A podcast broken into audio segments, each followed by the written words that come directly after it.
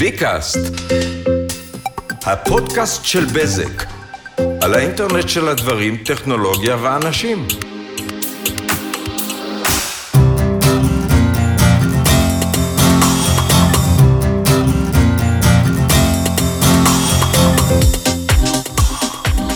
ברוכים הבאים לפודקאסט של בזק, אה, והפעם נמצא איתנו אבי רבינוביץ', אה, מנכ"ל ג'מסנס. מה שלומך, אבי? שלומי מצוין, מה שלומך? בסדר גמור. אתם יושבים בעצם בחיפה, והגעתם כל הדרך, הגעת כל הדרך לתל אביב. כל הדרך ברכבת לתל אביב, כן. היה מוצלח?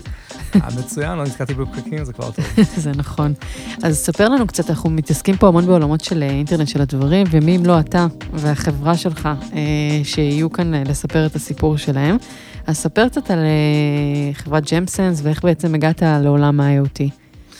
אוקיי, okay, אז uh, התחלנו את הפעילות בערך לפני כשלוש שנים. Uh, חיפשתי משהו חדש לעשות, uh, הייתי ככה בשלבים של סיום בתפקיד בחברה קודמת. אתה איש טכני במהות שלך בעצם. כן, אני מהנדס, עתודאיכס, כמו שאומרים. uh, אז כן, למדתי קצת לפני צבא, ואחרי זה התחלתי דרכי, כמו כל uh, בוגר צבא באלביט, וחברות uh, מהסוג הזה, חברות ביטחוניות, Given Imaging, זו חברה מאוד ידועה ומוצלחת.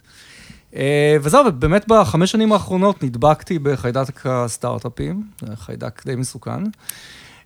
ובאמת עברתי קצת ממוד של מוד טכני למוד שהוא טיפ-טיפה יותר משלב טכני ועסקי. אז באמת לפני שלוש שנים התחלנו, התחלתי את ג'מסן, זה הסטארט-אפ השני שלי. הסטארט-אפ הקודם היה דווקא בתחום שונה לחלוטין, תחום פיננסי, למרות שהיום פינטק... זה כבר, כן, עולמות שמי של... כן, אז זה הניסיון השני שלי בעולם היזמות. וחיפשתי דברים מגניבים לעשות.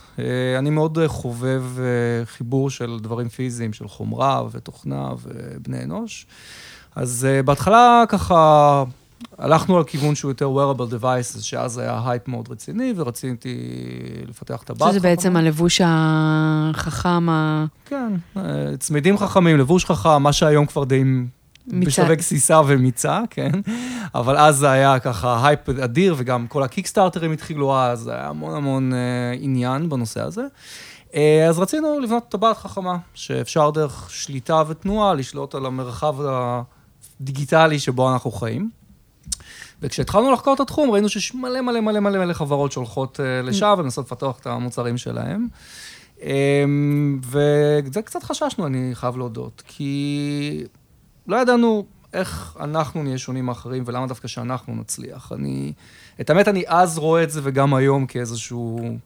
בכלל, כל התחום של ה-IoT מבחינתי זה מעין, כמו יבשה חדשה, כמו גילוי אמריקה. שמגיעים מתיישבים, לא יודעים כלום, כל אחד רץ ומחפש את הזהב.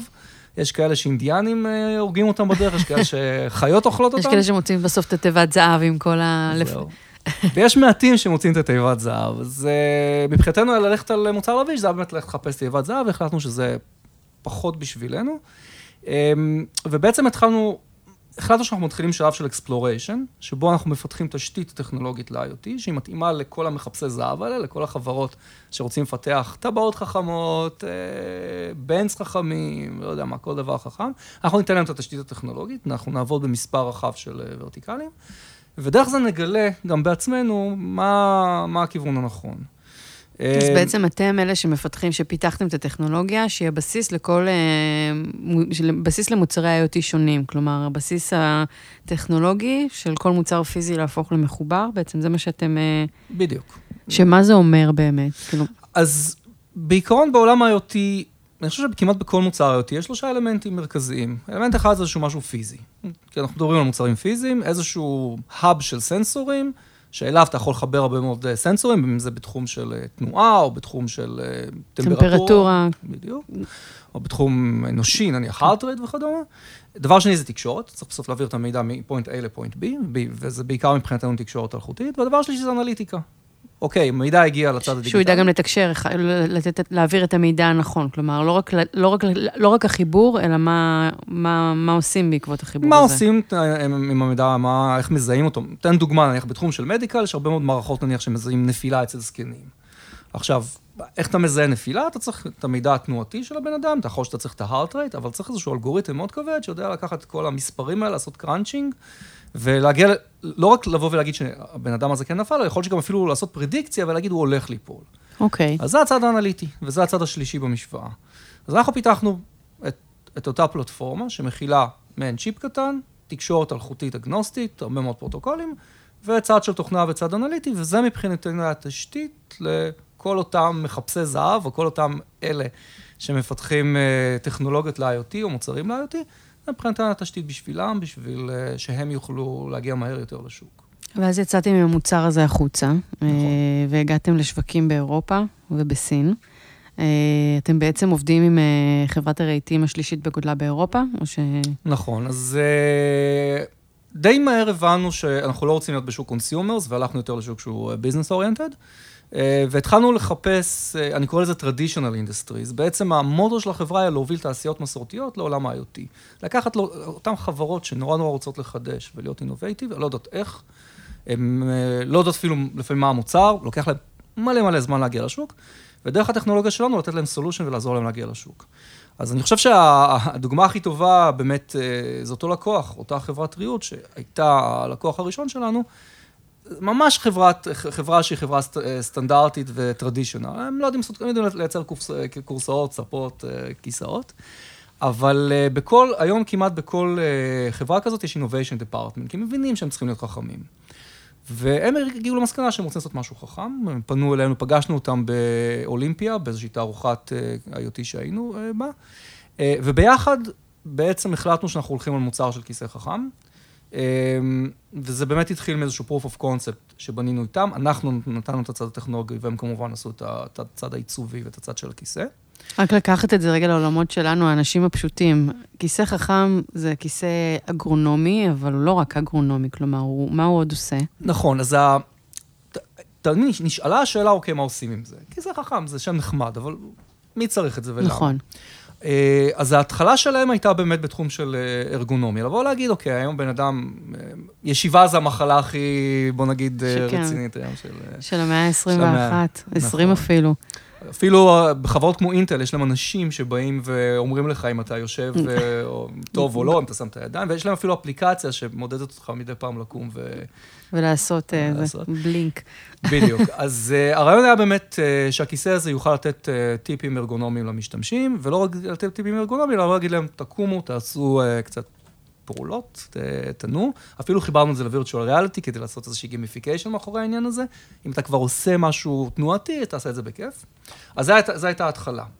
אבל כשהתחלנו לדבר עם הלקוחות של הלקוח, ואני תכף אספר באמת על ה-proof of concept שעכשיו אנחנו עושים, אז גילינו שזה לא רק נושא של ארגונומיה, אלא שני דברים שהם חשובים לא פחות. אחד, רוצים, כמו בכל העולם, העולם הזה היום של sharing, רוצים גם לעשות sharing של space ו-sharing של ריהוט. נכון. אז, אז המוטיבציה השנייה הייתה לבדוק מי יושב בעצם על הכיסאות האלה ומי משתמש בריהוט, ועל סמך זה להחליט האם נניח המשרד פנוי, האם האזור פנוי, ואז אולי אפשר באמת שאנשים אחרים ישתמשו במשרד או בכיסא. אוקיי. Okay. אז זה הדבר השני. אז זה כבר ניהול חכם לא רק של הכיסא, נכון. כלומר של כל סביבת העבודה במשרד. בדיוק. אז זה בעצם כבר, כבר שני צרכים. אחד, לצרכי וולנס, לתת משהו לעובדים. אבל גם כמובן לתת משהו לחברה ולמשרד. וכל הרעיון שם זה להוריד עלויות בסוף. ופה אני נכנס גם לדבר השלישי, זה אם אני כבר יודע, אני, אני יודע ששנינו יושבים כאן, אז למה לא להפעיל את האורות, להדליק או לכבות את המזגן, ובכיסא יש סנסורים של טמפרטורה ולחות, אז אתה גם יכול לשלוט על הסביבה, סביבת העבודה שלך, דרך כיסאות שהם חלק אינהרנטי מכל משרד. ואז אתה גם לא צריך תשתיות. וזה בעצם שלושת האלמנטים ש... שאנחנו מנסים לדחוף בריאות החכם, wellness וארגונומיה, נושא של sharing של space ונושא של שליטה על תשתיות. וכרגע אנחנו באמת לקחנו את הפרויקט הזה מול נובה סטיל גרופ, שזה החברה, וכרגע, ואנחנו עושים עכשיו proof of concept מול חברה ישראלית מאוד, מול חברה בינלאומית מאוד גדולה, שמאוד מאמינה בתחום של משרדים חכמים ו... ותשתית חכמה. אגב, החברות עצמם, אתם אתם עובדים בעצם B2B, אתם עובדים מול החברות העסקיות, אבל נכון. בסוף זה מגיע לצרכן הסופי, ואיכשהו יש לי הרגשה שאנחנו, האנשים, עדיין לא, לא באמת מבינים מה זה האינטרנט של הדברים, לא מבינים למה אני צריכה כיסא חכם, או בית חכם, או... אתה רואה את זה, כלומר, מה, מהמקום שלך, מהשטח, מתי זה יחלחל, מתי באמת נגיע למקום שבו, או שאתה רואה מדי פעם טפטופים שזה מתחיל להיכנס, כלומר, גם האתגרים של החברות שאתה עובד איתן, זה בעצם בסוף להגיע לצרכן הסופי, או... נכון. איך, איקאה נגיד, היא כן חברה שעובדת במוצרים חכם, קצת של אה, בית חכם, אבל איך באמת זה מחלחל, ומה אתה במקום שלך רואה שיקרה בשנים הקרובות עם כל ה... אז זו שאלה מצוינת, ואני יכול uh, להגיד שהחברה התחילה ב, uh, ממוצרי קונסיומר ועזבנו את זה. ואני חושב שהתשובה הזאת גם הגדולים לא יודעים. אה, ורגע נחזור לעולם ה-wearable שהיום הוא בידיך, ואפילו לעולם ה-virtual. למה אגב? כן, זה סוגריים לאחר כך. כי זה, זה עניין של ערך. זאת אומרת, יש, יש את השלב של ההייפ. אז בהתחלה, activity trackers וכל מיני שעונים חכמים, זה נשמע מגניב, וכולם רוצים את זה כי זה חדשני, ואנחנו בעולם חדשני וכולם רוצים להתנסות. אבל בסוף אחרי שאתה מתרגל לזה, אתה שואל את עצמך, האם זה באמת עוזר לי בחיים? למה אני צריך את זה? אני צריך את זה, למה לי ללבוש את זה? האם זה באמת נותן משהו? אה, אז בשוק הפלאפוניה התשובה היא הייתה חיובית, והסיבה שהטלפונים עברו ממוד של איזשהו מכשיר שאנחנו רק מדברים עליו, למכשיר שאנחנו... שאי אפשר לחיות בלעדיו, זה בגלל שהוא נתן ערך, ולא רק ערך נקודתי, אלא זה מכשיר שהוא פשוט... על מכשיר אחד יכולת כל הזמן להגדיל ולהגדיל את הערך, מה שלא קרה ב-wearable devices. ולא רק זה, אלא אפילו אם מסתכלים היום על שוק של virtual reality, אז גם הוא לא הצלחה אדירה. שנת נכון. 2016 הייתה שנה די קשה נכון. ל-VR. ואפילו אתה מסתכל על השקעות של הגדולים, בין אם זה מייקרוסופט שמשקיעים ב HoloLens וגוגל שהשקיעו את הסכום עתק הזה ב Magic Leap, אף אחד לא יודע אם, אם זה הייפ או נכון. וזה... אז זה, זה בדיוק הבעיה. עכשיו, מה הקטע? לחברות גדולות כמו גוגל ומייקרוסופט יש להם משאבים אינסופיים. נכון, הם יכולים ליפול. לעשות את זה, כן. לסטארט-אפים לא. ו... וזאת, וזאת הבעיה, ולכן גם אנחנו החלטנו שאנחנו עוברים משוק ה consumer לשוק שהוא יותר industrial. עכשיו, אני אחזור לשאלה המקורית שלך. אה, אני חייב להודות שאני לא משוכנע אה, מתי אה, באמת הדבר הזה ייכנס בצורה משמעותית לשוק ה consumers. רואים ניצנים בכל מיני תחומים, אפשר לקרוא ל autonomous car, נניח שוק של כן. consumers, שם אני בהחלט רואה ערך. ערך ב-medical devices, דיברנו על fall detection systems. ואני חושב שזה ש... שזה באמת ערך שחוסך באופן משמעותי לארגון, כן? כאילו כיסא אגרונומי, לא שאני, אני באמת מנסה להגיע לנקודה. כן, של... נכון, אני, אני מסכים. שבסוף כאילו, באמת צריך את הערך הזה בשביל, אה, בשביל שישמש אות, אותנו ביום-יום, ויהיה לו גם עתיד, כלומר, שזה בסוף מה שאתה... אני חושב שהדבר הכי, הכי משמעותי זה קודם כל ערך מאוד ברור לצרכן, משהו שאת ואני כצרכנים לא נבין איך חיינו בלעדיו לפני. וזה משהו שעדיין לא קרה. ודבר שני, צריך להיות מאוד מאוד יוזבל. אה, אחת הסיבות ש-VR פחות מצליח, כי זה לא יוזבל. בסוף כשאשתי יושבת בסלון ורואה טלוויזיה, היא רוצה ללבוש משקף כזה וזהו, היא לא רוצה להתעסק עם כל הטכנולוגיה. לנו זה מלהיב, אבל אנשים, נכון. בוא נגיד, רגילים לזה פחות. לאן אגב אתה חושב שתחום ה-VR יגיע בעתיד? אם אני שואלת אותך... אז קודם כל, אני, אני מאוד מאמין ב, ביכולת הזאת להיכנס לאיזשהו עולם דמיוני ולנתק את עצמנו מהמציאות. אני חושב... ברפואה, אגב, עושים את זה לחולים אה, במצב אה, עם כאב כרוני וכולי, נותנים להם VR, ל... ו... ו... ויש אה, סקרים שמראים שזה באמת מוריד את סף הכאב וכולי. נכון. נותנים להם ללכת לעולמות דמיוניים, ו... גם משתמש, יש לנו לקוחות שעושים את זה בפיזיותרפיה, זאת אומרת, לוקחים פעולה שלנו כבני אנוש היא קשה, שם שמים שם gamification, נניח ב-VR, ואז אתה שוכח מהכאב. אז זה כן. עכשיו, לגבי תחום שהוא, עכשיו אני רוצה לראות הופעה של קולפליי ב-VR או לשחק משחק, אמ, אני חושב שנגיע לשם, אה, קודם כל כשיהיה content מתאים, שיהיה המון המון content שהוא מלהיב וכזה שאנשים אה, ירצו לראות. ודבר שני, usability. אני רוצה כשאני נכנס לעולם ה-VR, להיות immersive באופן מוחלט, לא להרגיש שהתאמצתי בשביל זה. שזה ו... לי פשוט. כן? זאת הכוונה? כן, שזה יהיה פשוט, שטכנולוגית, בלי משקפיים אפילו. אלא, אלא, אלא פשוט, ככה בצ'יק זה כן. קורה, אה, שזה לא יפריע לא יגרום לי כאבי ראש, לא יגרום לי לחושר, לחוסר נוחות. ואני חושב שאנחנו מתקדמים לשם טכנולוגית, אבל אנחנו עוד לא שם. אה, ואני מאמין שנהיה שם בשנים הבאות, בשנים הקרובות, כי ההשקעות הכספיות בתחום הזה הן פשוט אדירות. אדירות, כן. אז זה רק עניין של זמן. פייסבוק שמה עליה לא מעט אה, מניות לא על התחום הזה. אלא היו סקרים של מה קורה בסין בתחום של VR, ומה הגידול שצפוי. מדברים שם על גידול של 400-500 אחוז בשנה. שזה המון בשוק שזה סיני. שזה המון, המון. אגב, שוק סיני, גם לשם הגעתם. נכון. ואתם נכון. בעצם אה, נמצאים שם בעולמות של דווקא בתי ספר חכמים. נכון. אז ספר קצת על זה. אז אה, כן, אנחנו כמובן החלטנו שצריך לצאת מישראל בשביל לעשות עסקים. אה, הלכנו, לש... בניגוד לרוב החברות שהולכות למערב, החלטנו ללכת על המזרח, למרות ש... תהליכית זה יותר קשה, אבל זה שוק בתולי וזה שוק ענק. עכשיו, אמ, אנחנו בוחנים ללכת באמת לכיוון של בתי ספר חכמים, ויש לזה סיבה אה, מאוד מיוחדת לשוק הסיני. אה, אני בטוח שאת יודעת, אבל היה שם את הנושא הזה של one child policy, שבעצם... אה, מה זה אומר? משפחה מותר ילד אחד. אה, נכון, one child policy, כן. עכשיו, אה, בהתחלה זה נעשה בשביל להקטין קצת את הגידול, אבל זה די פגע בהם, כי עכשיו מה שקורה זה שתוחלת החיים שם עולה. ואז הילד צריך לממן את ההורים כן, שלו. שבעצם להחזיק... אין דור צעיר שמחזיק את הכלכלה, וזה הלאה עכשיו... כמובן לזקנים שמזדקנים שם, ו... ובטח... בדיוק. ו- ו- ויש, במקום נניח שארבעה או שלושה ילדים יחזיקו את ההורים שלהם, יש רק ילד אחד שמסוגל. עכשיו, כל המערכת בתי ספר שם היא נורא תחרותית. אתה, אתה עובר מבחנים, ואם עשית אותם בצורה טובה, אז אתה תלך למוסד טוב יותר. ובסוף, ה, נקרא לזה, ההכנסות שלך והמעמד שלך ייקבעו מאוד... אה, כפונקציה של מה למדת. של מה למדת. בדיוק. עכשיו, ההורים שם משקיעים הון של כסף על הילדים שלהם, ברמה של האח הגדול. זאת אומרת, הם ממש רוצים לדעת מגיל הגן עד גילי מבוגרים יותר, איפה הילד היה, ומה הוא עשה ומה הוא למד, ו... וזה מטורף. כי זה פונקציה עתידית שלהם. פונקציה עתידית שלהם, זה השקעה שלהם. מעניין. ואסור להכניס פלאפון, אסור להכניס אה, סלולרי לבתי ספר, ואנחנו מנסים להכניס אמצעים טכנולוגיים אחרים בשביל לסייע להורים ולתלמידים לייצר אה, אווירה לימודית, ונקרא לזה מעקב אחרי התלמידים, שהוא טוב יותר. עכשיו, בסין יש רק 330 אלף בתי ספר. רק. בקטנה. בקטנה. אז אפשר לחשב מה גודל השוק וכמה בעצם תלמידים יש, והדבר הטוב הנוסף, שזה מקושר לממשל, וכל נושא של education, יש לו תמיד קשר לממשל, ובסין, מה לעשות, עדיין אה, הממשל, במיוחד הממשל המקורי, המקומי, הוא... חזק. חזק, וכן, וכדאי להיות קשור אליו. אוקיי, okay, אז בעצם הגעתם, חקרתם, אה, כשמגיעים לסוג, לשוק הזה, אתם חוקרים אותו לפני? איך אתם... אז המזל שלנו זה שהצלחנו לפתוח משרד ב- בסין, בטיוואן, את האמת, טיוואן זה לא בדיוק סין, אבל, אבל זה הכי קרוב שמצאנו. יש לנו שם בחור נהדר שקוראים לו האווי, שהוא בעצם מנהל את המשרד, אה, וזה נותן לנו מישהו מקומי. ובגלל שהתרבות בסין היא מאוד, אתה צריך להכיר את התרבות, אתה לא יכול סתם לבוא, גם אם אתה דובר השפה, לא יכניסו אותך ככה בקלות.